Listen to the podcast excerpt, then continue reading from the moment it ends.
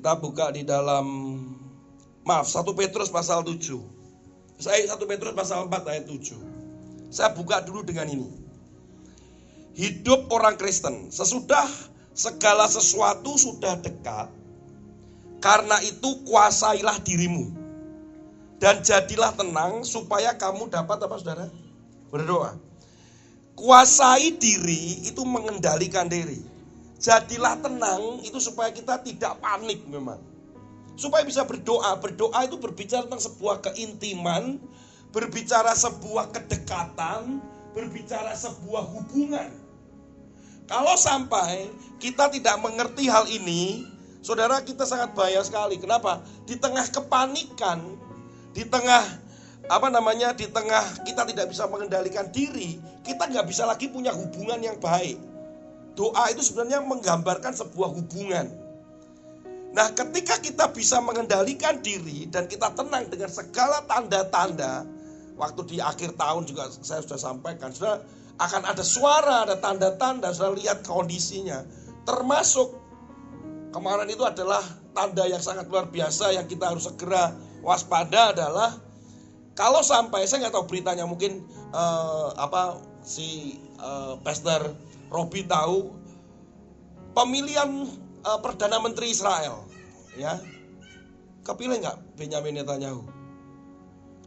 Kalau sampai dia kepilih, saudara, dia mungkin akan menjadi perdana menteri yang terakhir. Kenapa? Dia sudah punya komitmen bahwa uh, bait Allah Salomo itu dia akan bangun. Begitu dia menjadi perdana menteri. Karena itu janjinya dia ketika dia kepilih. Kalau memang dia kepilih, karena dia memang cukup kuat sebenarnya kandidat yang cukup kuat, kemungkinan besar kepilih. Karena pemilunya baru beberapa hari yang lalu. Kalau sampai dia kepilih, berarti tanda-tandanya makin lagi makin jelas lagi. Kenapa? Karena bait Allah Salomo itu didirikan Jesus coming. Gitu. Jadi kita mesti lihat tanda-tanda itu. Nah yang menarik lagi pada ayat yang ke-8 pada 1 Petrus pasal 4 itu Terima kasih ya. Kamu sejak potong rambut kok jadi baik memberikan neku air? Baru kali ini loh sepanjang dua setengah tahun saya baru kasih ini loh. Jujur aja ya. 1 Petrus pasal 4 ayat yang ke-8 Tetapi terutama Kasihilah sungguh-sungguh Seorang yang lain. Nah, Lihat saudara Ternyata ayat 9, berilah tumpangan seorang akan yang lain. Ayat 10, layanilah seorang yang lain. Kemudian ayat 11, jika ada orang yang berbicara pada berbicara sebagai orang yang menyampaikan firman Allah. Saudara, di tengah-tengah ketenangan dan mengendalikan diri itu, itu adalah hidup kembali seperti jemaat mula-mula.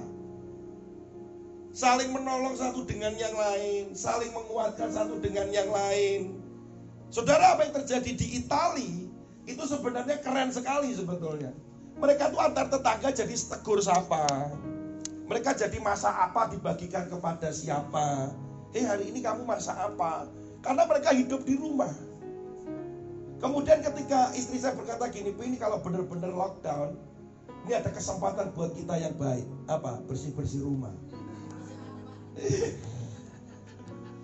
Saudara, di rumah tenang dengan keluarga saudara. Dah, baik-baik dengan keluarga saudara gak usah karena libur kemudian tiba-tiba nanti Frans ayo pergi ke Tretes sama Aaron sama saudara. Lebih baik di rumah saudara bisa bercengkrama bersama. Kalau di, dikatakan bahwa lockdown saudara artinya saudara nggak nggak boleh banyak keluar rumah. Gitu. saudara nggak jangan keluar kota. Gitu. Jangan liburan malah. Oh libur ini anak saya udah gini tiba-tiba sudah ada begini Google apa namanya Classroom. Ya. Jadi saudara ini benar-benar uh, hal yang saudara uh, harus pahami. Apakah lockdown Indonesia? Nanti saudara bisa lihat seperti yang disiarkan oleh Ibu Kety dari siapa? Uh, Pak Sefnat punya istri. Supaya saudara tahu apa uh, yang dikatakan oleh uh, presiden. Jadi saudara ikutin aja karena sekarang si Pak siapa ini Budi Aksara juga sudah kena, saudara ya. Jadi saudara gini loh, itu belum ada belum ada obatnya. Jadi memang perlu perlu waktu untuk saudara di apa namanya mengalami apa uh, proses supaya saudara muncul imun di dalam tubuh saudara, kemudian akan sembuh-sembuh sendiri. Jadi orang yang habis terjangkit itu virus corona, itu dia punya imun. Kemungkinan untuk tertular lagi sudah nggak ada. Itu sama, sama dengan cacar itu. Sudah ada kena cacar, oh kena mana? Ada kemungkinan kena tapi kecil sekali, gitu loh saudara. Jadi ini yang terjadi. Jadi saudara juga, juga jangan cari perkara supaya supaya keluar imun saudara, saudara pergi ke Wuhan. Itu cari perkara namanya. Oke, sampai di situ aja ya.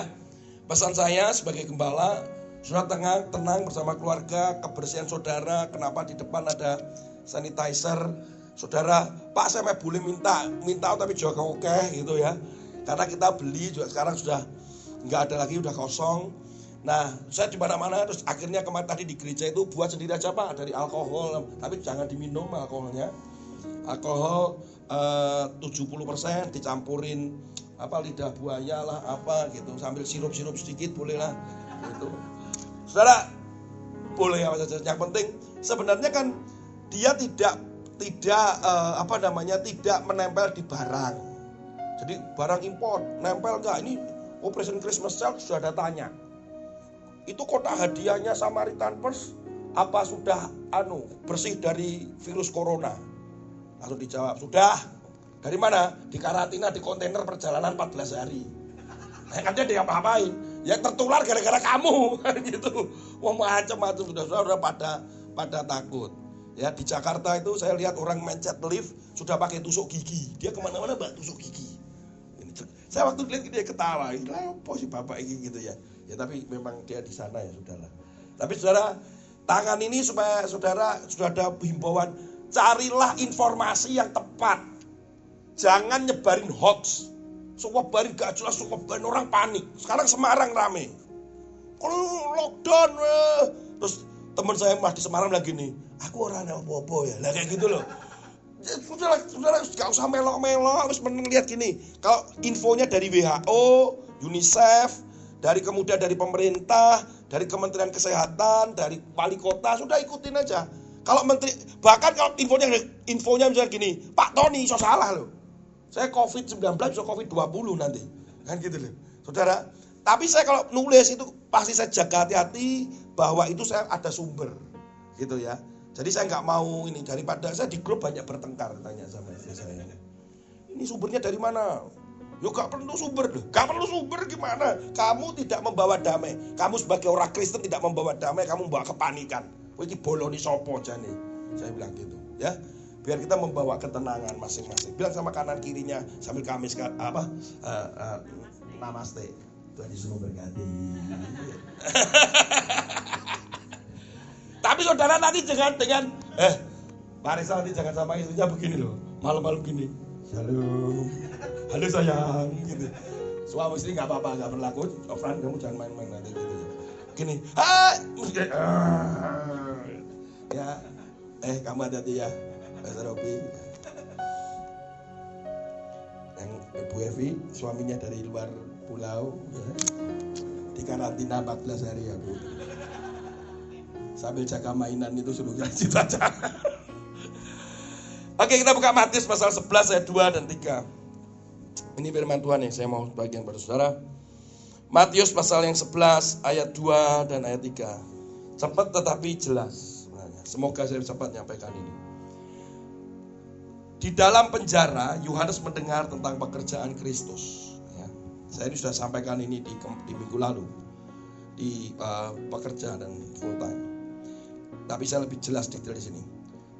Uh, Matius pasal 11 ayat 2 dan 3. Di dalam penjara Yesus Yohanes mendengar tentang pekerjaan Kristus. Lalu ia menyuruh murid-muridnya bertanya kepadanya, "Engkaukah yang akan datang atau harus kami menantikan orang lain?" Amin. Di sini dulu saja, saudara. Ini adalah sebuah pertanyaan yang konyol, lahir dari sebuah keraguan. Yohanes Pembaptis untuk kelasnya dia, yang mana dia adalah orang yang benar-benar percaya kepada Yesus, yang dia juga mengatakan di dalam dirinya bahwa dirinya ini adalah yang me, apa namanya e, menyiapkan jalan bagi Tuhan, menyiapkan jalan bagi Mesias. Kemudian dia juga mengakui bahwa Yesus adalah anak domba Allah. Tapi mengapa pada saat dia di penjara, saudara, ketika dia ada di penjara, itu bukan hanya di penjara saja, tetapi dia di penjara dan dibelenggu. Kalau cuma di penjara, itu mungkin kejahatannya nggak dianggap sangat berbahaya. Tapi kalau sampai di penjara dan dibelenggu, itu artinya benar-benar seperti penjahat yang tidak bisa terampuni atau penjahat yang siap dihukum mati. Jadi Kondisinya Yohanes Pembaptis oleh Herodes itu dipenjara dan dibelenggu. Kemungkinan untuk bebas itu sangat kecil. Kenapa? Yang pertama, karena Yohanes Pembaptis ini begitu sangat beraninya ngomong tentang kebenaran, bahkan menasehati, bahkan e, menyinggung tentang Herodes dan Herodias kritiknya dia terhadap Herodes itu cukup pedas. Dan itu tidak disukai oleh Herodes. Herodes bahkan dia berkeinginan membunuh Yohanes Pembaptis, tetapi dia takut akan pengikut daripada Yohanes Pembaptis. Kenapa kok takut? Kalau sampai Yohanes Pembaptis itu mati, pengikutnya kemudian memberontak, berarti pengikutnya punya pengaruh dan jumlahnya nggak sedikit. Maka pemerintahan Herodes itu dianggap gagal oleh kaisar. Dia sebagai uh, raja boneka, maka karirnya habis. Kalau karirnya habis apa yang terjadi? Ya berarti ya semua fasilitasnya habis. Jadi dia tidak membunuh itu bukan karena dia uh, apa namanya bukan karena dia takut. Sebenarnya takutnya itu lebih kepada bahwa dia tidak dipercaya oleh kaisar. Sehingga apa yang dilakukan oleh dia ditangkap tok ditangkap, kemudian penjara dan dibelenggu. Itu kemudian yang pertama, bahwa dia tidak ingin lepas. Kenapa? Nggak dibunuh tapi jangan keluar. Karena kamu sudah mempengaruhi banyak hal dan kamu nggak bisa, kamu akan terbungkam di dalam penjara. Kamu nggak bisa semena-mena ngomong kayak begitu. Yang kedua, Herodias. Kenapa? Karena Herodias adalah uh, subjek yang salah satu disakiti. Karena pernikahannya dia dengan Herodes. Jadi dia ada dendam.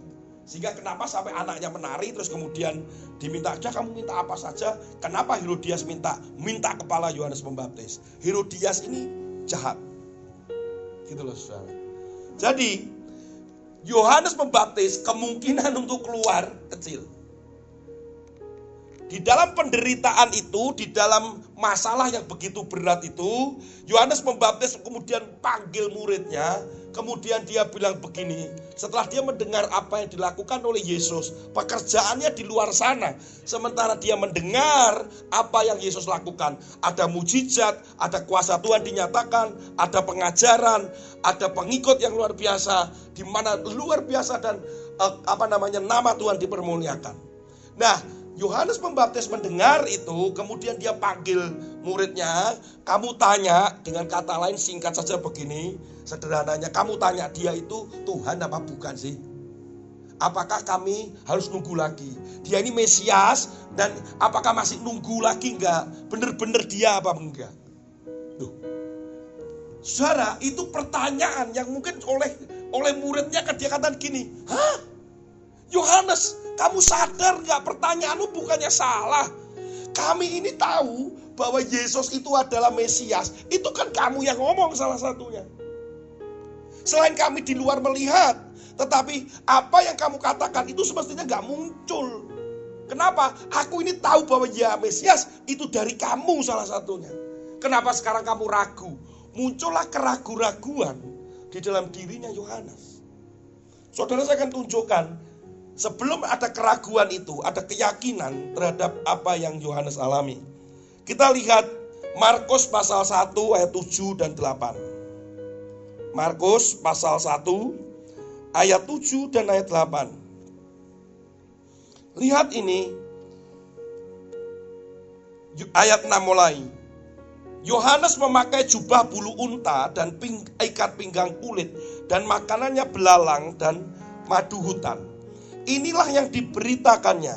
Lihat ini, inilah yang diberitakannya. Sesudah aku akan datang ia yang lebih berkuasa daripadaku. Membungkuk dan membuka tali kasutnya pun aku tidak layak. Aku membaptis kamu dengan air, tapi ia akan membaptis kamu dengan roh kudus. Saudara, itu adalah statement daripada Yohanes. Dia ngajar kepada semua muridnya, saya percaya salah satu yang disuruh itu. Nanti akan setelahku akan ada lagi. Dia dia akan membaptis kamu dalam roh dan api. Aku membaptis kamu dengan air. Masih belum yakin? Yohanes pasal 1 ayat 35. Yohanes pasal yang pertama ayat 35 dan 36. Pada keesokan harinya, Yohanes berdiri di situ pula dengan dua orang muridnya.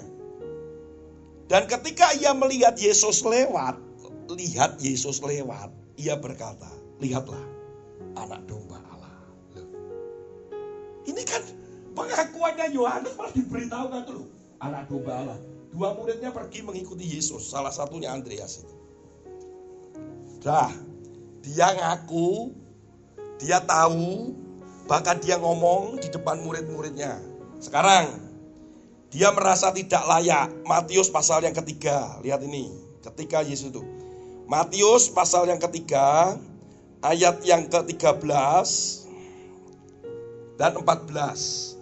Maka datanglah dari Galilea ke Yordan kepada Yohanes untuk dibaptis olehnya. Maka datanglah Yesus ya dari Galilea. Tetapi Yohanes mencegah dia katanya, akulah yang perlu dibaptis olehmu. Berarti kan ada orang yang lebih berkuasa dari dia. Akulah yang perlu dibaptis olehmu dan engkau datang kepadaku. Lalu Yesus menjawab katanya, biarlah hal itu terjadi. Karena demikian sepatutnya kita menggenapkan seluruh kehendak Allah. Dan Yohanes pun menurutinya. Sesudah Yohanes dibaptis, Yesus segera keluar dari air dan pada waktu itu juga apa saudara? Langit terbuka dan ia melihat roh Allah seperti burung merpati turun ke atasnya Lalu terdengarlah suara dari sorga yang mengatakanlah inilah anakku yang kukasihi kepadanya lah aku berkenan. Wow. Ketika Yesus ketemu uh, Yohanes membaptis ketemu Yesus, dia berkata, "Enggak, enggak, bukan aku yang mestinya baptis, mestinya kamu yang baptis aku." Tapi Yesus bilang, "Enggak, kita akan menggenapi. Maka kamu harus membaptis aku." Intinya gitu. Ketika Yesus dibaptis, dengan mata kepala sendiri ketika Yesus setelah dia tenggelam di sungai Yordan kemudian dia bangkit dan keluar tiba-tiba langit terbuka Yohanes lihat apa enggak? Yohanes lihat Yohanes dengar enggak suara itu? Kenapa kau dengar? Lah dia ngomong bahwa itu dibuka itu benar-benar dia menyaksikan sendiri dan dia berkata dari langit berkata itu bapaknya pasti inilah anakku. Itu seperti sebuah stereo yang terdengar menggema. Dan murid-murid Yohanes pasti, wow, Yohanes pun dia akan gemetar. Dan dia tahu siapa yang ada di sampingnya. Tapi pertanyaannya, kenapa ketika dia di penjara, kemudian dia berkata, akankah aku kita harus kami harus menunggu yang lain? Apakah kamu? Saudara, Yohanes Pembaptis mengalami penderitaan. Ketika tekanan itu muncul dia ada di penjara, sebenarnya bukan sesederhana itu. Saya yakin penderitaan yang ada di penjara dia tahan kok. Kok bisa? Nah, di padang gurun makanannya belalang itu pun jenis makan jenis tumbuhan sebenarnya namanya memang seperti belalang gitu ya bukan bener-bener belalang. Kalau toh belalang, belalangnya bukan jenis belalang Indonesia yang hijau itu kemudian letak gitu. Saya pernah makan apa itu jangkrik. Saya pernah makan jangkrik. Pernah siapa pernah makan jangkrik? Ya, coba tuh sekali-sekali jangkrik di pasar digoreng. Saya pernah makan jangkrik di Kamboja.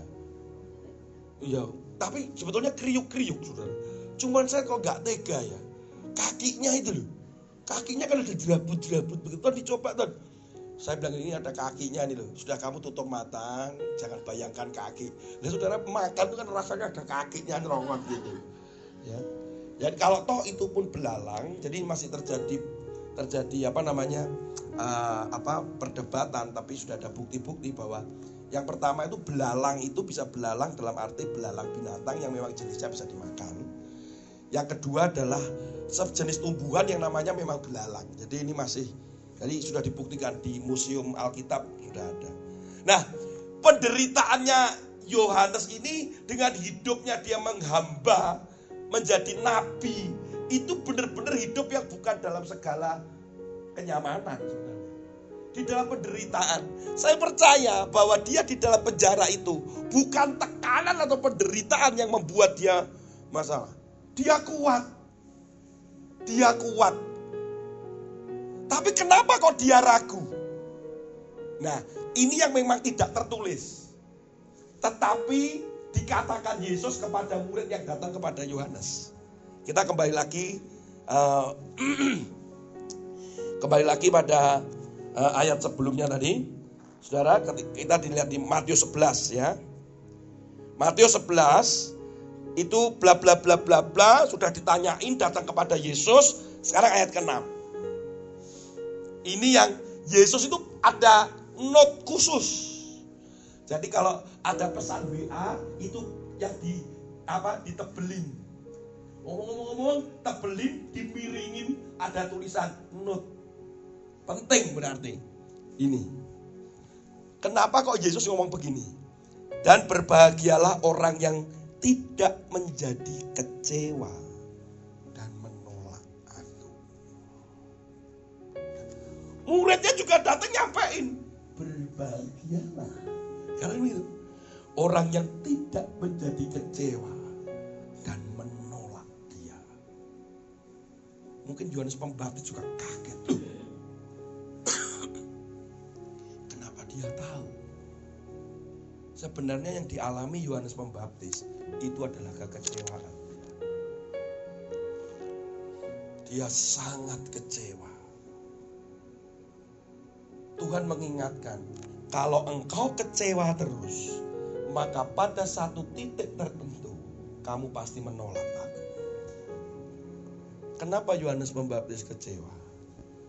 Karena Yesus tidak melakukan apa-apa kepada dia. Lah kenapa Yohanes Pembaptis ngomong sama muridnya untuk tanya? Bukankah itu tanda supaya dia dibesuk oleh Yesus? Bukankah itu tanda bahwa gini loh, Sosos, Yesus, Guru, saudaramu Yohanes Pembaptis ada di penjara. Dia itu mau ngasih pesan behind the message, behind the question. Di balik pertanyaan dan di balik pesan itu mau ditanyain bahwa gini loh, eh tulungan aku po, aku ini di penjara, bebaskan saya. Tapi faktanya nggak ada. Malah Tuhan berkata, ya bilang berbahagialah orang yang tidak menjadi kecewa dan menolak aku. Loh, mak gitu saja. Yes. Sudah jelas bahwa Yesus adalah Mesias. Dan ada pesan not yang tebel miring itu. Bahwa kamu jangan menolak aku. Tetaplah percaya. Kamu jangan kecewa dengan aku. Saudara. Saudara, Berapa banyak di antara kita, ayo kita sekarang kita kembali lagi ke, kita analogikan dengan peristiwa di dalam kehidupan kita. Berapa banyak kita berdoa, minta mujizat terjadi di dalam hidup saudara dan saya. Saudara pengen ini nggak terjadi ini, saudara pengen itu nggak terjadi itu. Di mana Tuhan? Sehingga ada tiga pertanyaan yang saya pernah singgung. Ada tiga pertanyaan yang sering manusia itu ungkapkan. Satu, apakah Tuhan itu adil apa tidak? Yang kedua, kenapa Tuhan kok diam saja? Yang ketiga, sebenarnya Tuhan itu ada apa enggak sih? Saudara-saudara berdoa, saudara berdoa siang malam, berdoa pertobatan untuk seseorang, saudara bertobat, saudara berdoa untuk mujizat terjadi, saudara berdoa berdoa untuk per, uh, uh, keuangan saudara buat keluarga saudara, tetapi ternyata nggak ada apa-apa itu. Kemarin ada anu apa KKR ada pengurapan antivirus corona. Oh, hebat loh di Solo. Terus beberapa hari yang lalu kayaknya ada di Surabaya. Yang datang berduyun-duyun. Coba bayangkan habis dia dapat urapan itu apa eh, minyak khusus anti corona, terus besoknya langsung dideteksi corona terus gimana? Mungkin dia akan juga mengatakan ini, doh, aku kan sudah dapat pengurapan. Didoain hamba Tuhan Pak. Aku juga percaya Yesus. Kenapa saya tetap kena corona? Saya sudah berdoa, Tuhan, supaya saya pergi ke gereja lancar, di jalan ketabrak. Ada begitu banyak. Tuhan, cicilanku banyak. Tuhan, anakku begini. Tuhan, uh, banyak. Tapi kok begini saja dan gak terjadi apa-apa. Yohanes Pembaptis ngalami ini loh saudara. Kenapa kok gak Yesus datang? Waktu itu mujizat begitu banyak. Tapi kenapa kok gak datang? Yesus gak usah datanglah. Ngomong aja sama muridnya begini. Bilang, ketika kamu nanti datang, pintu terbuka, belenggu terlepas. Bisa nggak? Sangat bisa. Buat dia mujizat itu seperti membalik tangan. Bukan harus Yesus datang. Lewat suruhan bisa. Bukan berarti Tuhan Yesus itu tidak mau membuat mujizat dalam hidup saudara. Dia itu menahan, sepertinya menahan mujizat itu. Supaya saudara tidak kecanduan akan mujizat. Saudara datang itu bukan karena mujizat dan kuasanya. Saudara datang itu karena saudara mencintai dia. Karena kita jalan cuma Tuhan, walaupun kau ada mujizat, aku cinta sama kamu. Saudara tahu, Kenapa isi Injil itu tidak dipenuhi mujizat Tuhan? Injil itu cuma 36 mujizat yang dicatat. Kenapa Tuhan Yesus tidak berkata begini? Hei, nanti ya Yus Matius, kamu lihat nulis yang penuh dengan mujizat, gue tulis orang kabeh. Kenapa?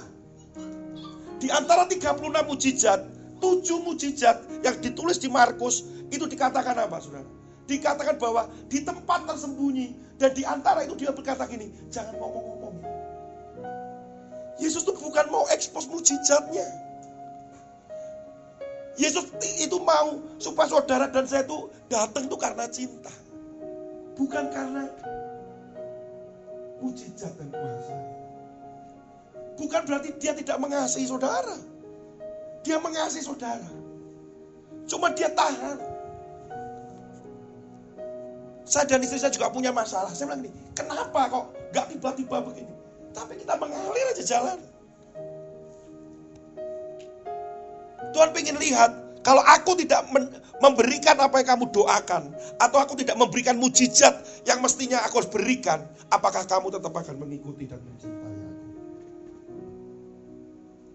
Ini penting, saudara. Kalau kita salah fokus, hancur di akhir zaman ini. Yang ada adalah kekecewaan demi kekecewaan. Orang selalu pengen dengan sesuatu yang spektakuler. Yang adikodrati. Tiga pertanyaan itu di mana keadilan Allah? Saudara, is apakah Tuhan itu fair? Saudara, Tuhan sangat fair. Ada begitu banyak yang di dalam perjanjiannya dengan saudara itu adalah kedua belah pihak dalam kesepakatan yang lebih sering kali kita tidak fair dengan Tuhan karena kita banyak melakukan yang tidak kehendak dia dia melakukan ketika apa yang memang engkau lakukan maka dia akan memberikan ketika engkau nggak lakukan dia akan memberikan sehingga sebenarnya Tuhan sangat fair kenapa harus ada hukum kenapa harus ada perintah Pergi jadikan semua bangsa muridku. Kenapa harus ada perintah? Jangan menghakimi manusia, orang lain. Kenapa harus ada perintah? Uh, apa namanya? Tabur, ber, apa namanya? Berikan, tolong, doakan. Kenapa ada perintah itu? Sementara kita ada yang tidak melakukan, kemudian kita menuntut kepada Tuhan. Siapa yang sebenarnya nggak fair? Kita yang nggak fair. Tetapi kita sering kali Tuhan nggak fair. Dikatakan lagi, kenapa Tuhan diam? Bagaimana Tuhan sudah melakukan pada bangsa Israel? Mujizat yang begitu banyak. Lapar, roti mana? Bosen, burung puyuh. Haus, air. Kurang apa? Mujizat begitu banyak. Mereka menyaksikan tulah itu begitu. Wow, dia keren banget. Dia merasa mereka merasa penyertaan Tuhan keren dan luar biasa. Kurang mujizat apa saudara? Apakah itu menjamin kesetiaannya orang Israel dan mencintai Tuhan? No. Tuhan itu juga belajar dari manusia apa yang terjadi pada manusia. Saya, saya, merenungkan itu sampai kadang nangis. Artinya seperti orang tua yang kemudian gini, aku tuh mencintai kamu nak. Dengan perkataan, dengan apa yang kulakukan. Lihat buktinya dari Adam terus. Lihat, Bagaimana Tuhan memperlakukan itu seperti orang tua yang kehilangan anak. Bahkan ketika orang Israel keluar, dia seperti orang tua yang mau memberikan semuanya. Saya percaya kalau saudara punya anak akan ngerti ini. Saudara anakmu sakit, sakit nih, baru sumer. Hmm, beli no koloke. Saudara akan berangkat beli koloke walaupun utang tetangga. Saudara berikan. Terus hmm, Aku minta sepatu. Kayak sepatu walaupun sisia. Orang tua seperti itu. Dia ketika zaman Israel dengan orang tua dia memberikan itu. Mau tanya, Tuhan itu ada apa tidak? Bagaimana tiang awan, tiang api? Wong mereka kedinginan aja mereka dihangatkan dengan tiang api. Ketika mereka siang pun dia muncul, dia lihat tiang awan itu. Muridnya Yesus, 12 rasul, Tiga setengah tahun kurang lebih ikut bersama Yesus. Tidur bersama Yesus. Makan bareng sama Yesus. Mereka setia? No. Ketika Yesus ditangkap, mereka lari semua. Tidak ada jaminan sebuah kesetiaan dan membalas cintanya Yesus atau Allah itu dengan memberikan mujizat dengan kehadirannya. Gak ada jaminan. Sehingga kenapa Yesus datang lagi kepada Simon Petrus? Apakah engkau mengasihi aku? Sampai Simon Petrus nangis. Karena esensinya itu adalah cinta. Esensinya adalah sebuah hubungan yang harus terkonek lagi. Seperti orang tua yang membuka tangan. Kamu mau gak sih mau menganggap aku ini papamu? Sementara papa ini gak punya apa-apa. Walaupun saya punya segudang harta di belakang saya. Tapi gini, lu lihat Papamu yang sepertinya nggak bisa apa-apain. Masihkah kamu bilang gini, I love you dear. Dan dia peluk, I still love you. Walaupun saya punya segudang, karena nak, kalau kamu tak beri ini, kak itu gak menjamin kamu akan datang kepadaku dan memeluk. Karena begitu kamu asik dengan mainanmu, dan kamu akan meninggalkan Saya ketemu dengan Pak Mark. Saya ngobrol tentang anaknya yang sekolah di Amerika, saudara. Saya bilang, Mak kamu sudah pulang dari Amerika ya. Anakmu sekolah ya, iya. Tony, aku cerita ya dia bilang. Ya, waktu kemarin waktu CMC. Dia bilang gini, Ton, waktu aku melepaskan anakku di university, hatiku hancur dia bilang. Hatinya hancur. Aku gak kuat. Ketika itu ada anakku yang paling dekat dia waktu dia turun dari mobil, ketika dia pelukan sama anaknya, dia pelukan keras sekali. Kemudian sudah ya, Dedi pulang. Karena dia masuk asrama atau apa, saya nggak tahu. Kemudian ketika dia meninggalkan papanya, si Pak Mak bilang gini, aku harap dia menoleh aku. Saya cuma ngitung gini, noleh nak, noleh, noleh. Anak ini berjalan, kemudian si Pak Mak ini sebagai papanya dia lihat gini, kamu noleho, noleho. Aku ini pengen lihat wajahmu. Saudara tahu? Gak noleh. Ketika anaknya berjalan dia gak noleh. Pamak mulai nangis. Aku ini bukan orang tipe yang suka nangis, Tony. Tapi aku nangis, aku akan kehilangan anakku. Dia dekat loh sama aku. Aku berikan semuanya yang terbaik buat dia. Tony kamu tahu apa yang terjadi? Begitu dia kumpul dengan teman-temannya. Kan dia jalan begitu terus kumpul sama teman-temannya. Apa yang terjadi? Mereka tertawa. Wah. Bayangkan dia kumpul sama teman-temannya. Satu udah gak noleh, malah tertawa. Hilang. Kemudian Papa sedang mengusap air matanya. Aku jadi papa yang konyol nangis sekali. Menangisi anakku dan anakku tidak merasa ditangisi. Wih, saya bilang, Wih, kamu berat ya, Mak. Yes. Dan dia nepuk saya gini, kamu sebentar lagi. Kurang ajar sekali kamu. ya, saya nggak tahu ya. Mungkin saya ngomong begini cucu mendengar saya juga nggak tahu.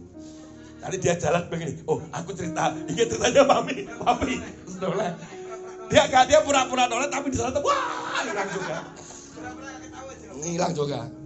Saudara, jalan mundur. Ternyata tidak jaminan.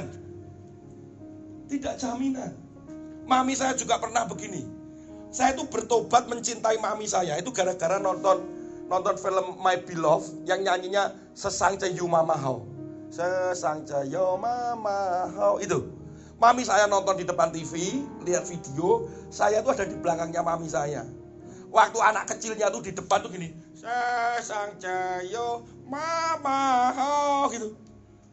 Itu mami saya nangis, saya ikut nangis, terus mami saya bilang gini, cintanya mama pada anak itu tidak akan pernah. Tapi anak itu yang sering melupakan cintanya kepada mamanya. Saya nangis, sudah nangis saya. Saya bilang ini saya nggak, saya nggak mau. Saya tetap mau mencintai mami saya. Itu komitmen saya, karena saya juwekel sama mami saya. Tapi hari itu pertobatan lewat film My Beloved itu. Sekarang saya tonton lagi kok filmnya udah elek ya. Tapi Tuhan pakai film itu, saya nggak tahu itu. Anaknya kecil dia terpisah sama mamanya. Kenapa? Karena mama saya lagi ngomongin cece saya. Cece saya minggat dari rumah, kemudian dia tidak lagi menelpon menghubungi mami saya. Dan itu buat mami saya sangat luka buat dia. Dia bilang gini, aku tetap mencintai. Dia mau ngomong aku tetap mencintai sampai anakku. Tapi anakku tuh tidak pernah ingat dengan aku.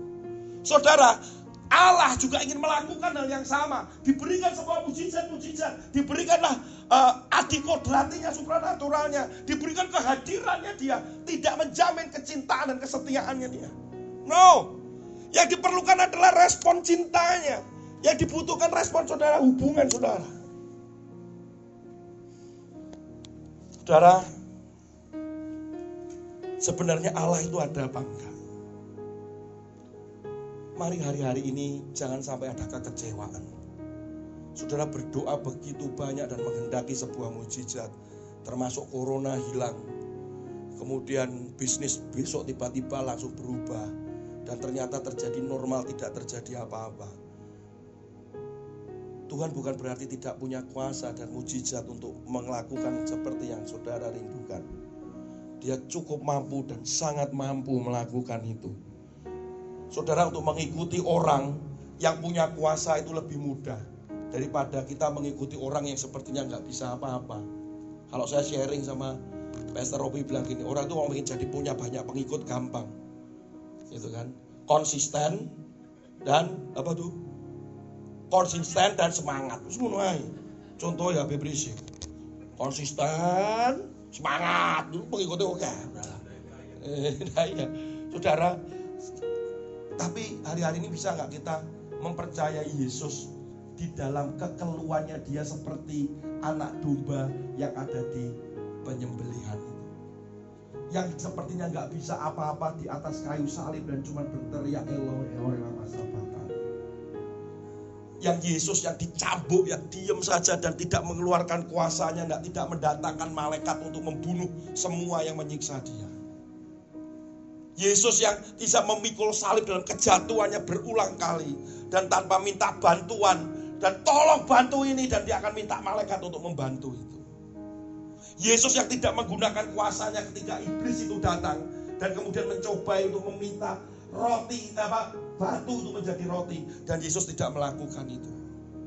Yang sebenarnya itu sangat mudah buat dia. Yesus tidak mau semua orang menyembah dia itu karena spektakulernya dia. Tapi orang mau menyembah dia karena dia merespon cintanya. Apa pun. Saya harap saudara hari-hari ini mengerti pesan ini. Saudara banyak pergumulan. Tetapi tetapkah kau mencintai dia dalam kondisi apa pun. Sehingga engkau berkata, jiwaku melekat kepada dia. ayat terakhir saudara.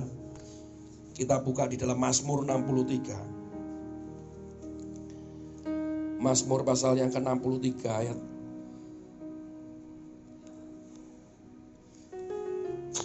kerinduan kepada Allah. Mazmur 63 ayat yang pertama. Mazmur Daud ketika ia ada di padang gurun Yehuda. Ya Allah, Engkaulah Allahku, aku mencari Engkau. Jiwaku haus kepadamu. Tubuhku rindu kepadamu. Seperti tanah yang kering dan tandus, tiada berair. Demikianlah aku memandang kepadamu di tempat kudus, sambil melihat kekuatanmu dan kemuliaanmu. Sebab kasih setiamu lebih baik daripada hidup. Bibirku akan memegahkan engkau. Demikianlah aku mau memuji engkau seumur hidupku dan menaikkan tanganku demi namamu. Saudara, Daud ini punya kekhususan Kenapa sih dia kok sangat dekat sama Tuhan? Karena dia tahu hatinya Tuhan. Tuhan tuh sangat rindu dengan pertobatan. Saya baru saya buka beberapa buku kemarin tuh gini, aduh, Ahab itu betapa kurang ajarnya. Waktu dia diberitahu oleh Elia, dia diomongi bahwa begini, kamu nanti akan mati, ya. matimu mengerikan, mayatmu dimakanin anjing. Uh, Ahab kaget loh. Loh, karena kamu berani dengan Allah. Langsung Ahab bertobat loh. Bertobat. Dia koyakan jubahnya. Dia tobat. Dia nangis. Kembali lagi. Allah itu seperti orang tua. Ya. Gak jadi. Jadinya itu bukan karena bertentangan. Tapi gak jadinya karena sebuah pertobatan. Tidak gak jadi. Niniwe juga hal yang sama. Akhirnya dia bilang nanti keturunanmu berikutnya aja. Nanti anaknya Ahab sing kena. Nah, kalau anaknya Ahab bertobat, kira-kira juga diampuni juga? Pasti Dia seperti orang tua. Saudara, bayangkan dia seperti orang tua yang memberikan yang terbaik buat saudara. Tapi sanggupkah ketika orang tua kita jadi miskin? Kita masih bisa peluk papa mama dan engkau papa mamaku dan I will still love you. Ketika tak punya apa-apa ketika anak saya satu kali telepon, papi, aku dia telepon didampingi oleh temannya, eh didampingi oleh gurunya di ruang guru. Dia cuma bilang gini, papi pianika aku ketinggalan. Dan aku bilang, papi tidak akan ngantar kamu. Nangis, nangis dia. Terus kemudian uh, apa diberikan ke gurunya, Pak ini Joseph, anu Pak di anu nggak bawa pianika nggak apa-apa ini nanti saya hukum pak kasih sanksi nggak apa-apa silakan tapi masihkah dia pulang ke rumah dengan kejengkelannya? Papi nggak mau nganter. Ada mobil nggak mau nganter. Ada waktu nggak mau nganter. Mungkin waktu itu dia ngomong begitu. Tapi bisakah kemudian tiba-tiba dia ajak teman-temannya kemudian demo di depan saya? Dan dia berkata mulai hari ini engkau bukan lagi papiku. Karena kamu tidak punya kuasa terhadap sekolahku. Dan terhadap pianikaku enggak. Dia tetap ada di rumah saudari. Dalam ketidakberdayaanku bisakah dia tetap mengatakan I love you daddy. Bukan berarti saya nggak berdaya. Tuhan juga begitu. Bukan berarti dia nggak sanggup. Dia sangat sanggup. Tetapi apakah dalam apa yang saudara rindukan itu nggak terjadi? Masihkah kita bersimpuh di bawah kaki Tuhan dan nangis? Tuhan, aku tak mengasihimu walaupun itu nggak terjadi seperti yang kau inginkan. Sadrak Mesak Abednego juga alami itu. Walaupun aku masuk di sana dan Tuhan nggak tolong aku, aku tetap akan menyembah Tuhan. Bisa nggak kita mengatakan, walaupun sampai meninggal nanti, utangku lunas, Kan gitu. Anggap aja. Atau apa pun. Doaku belum terjawab. Tapi aku akan tetap. Yesus adalah Tuhan. Sampai.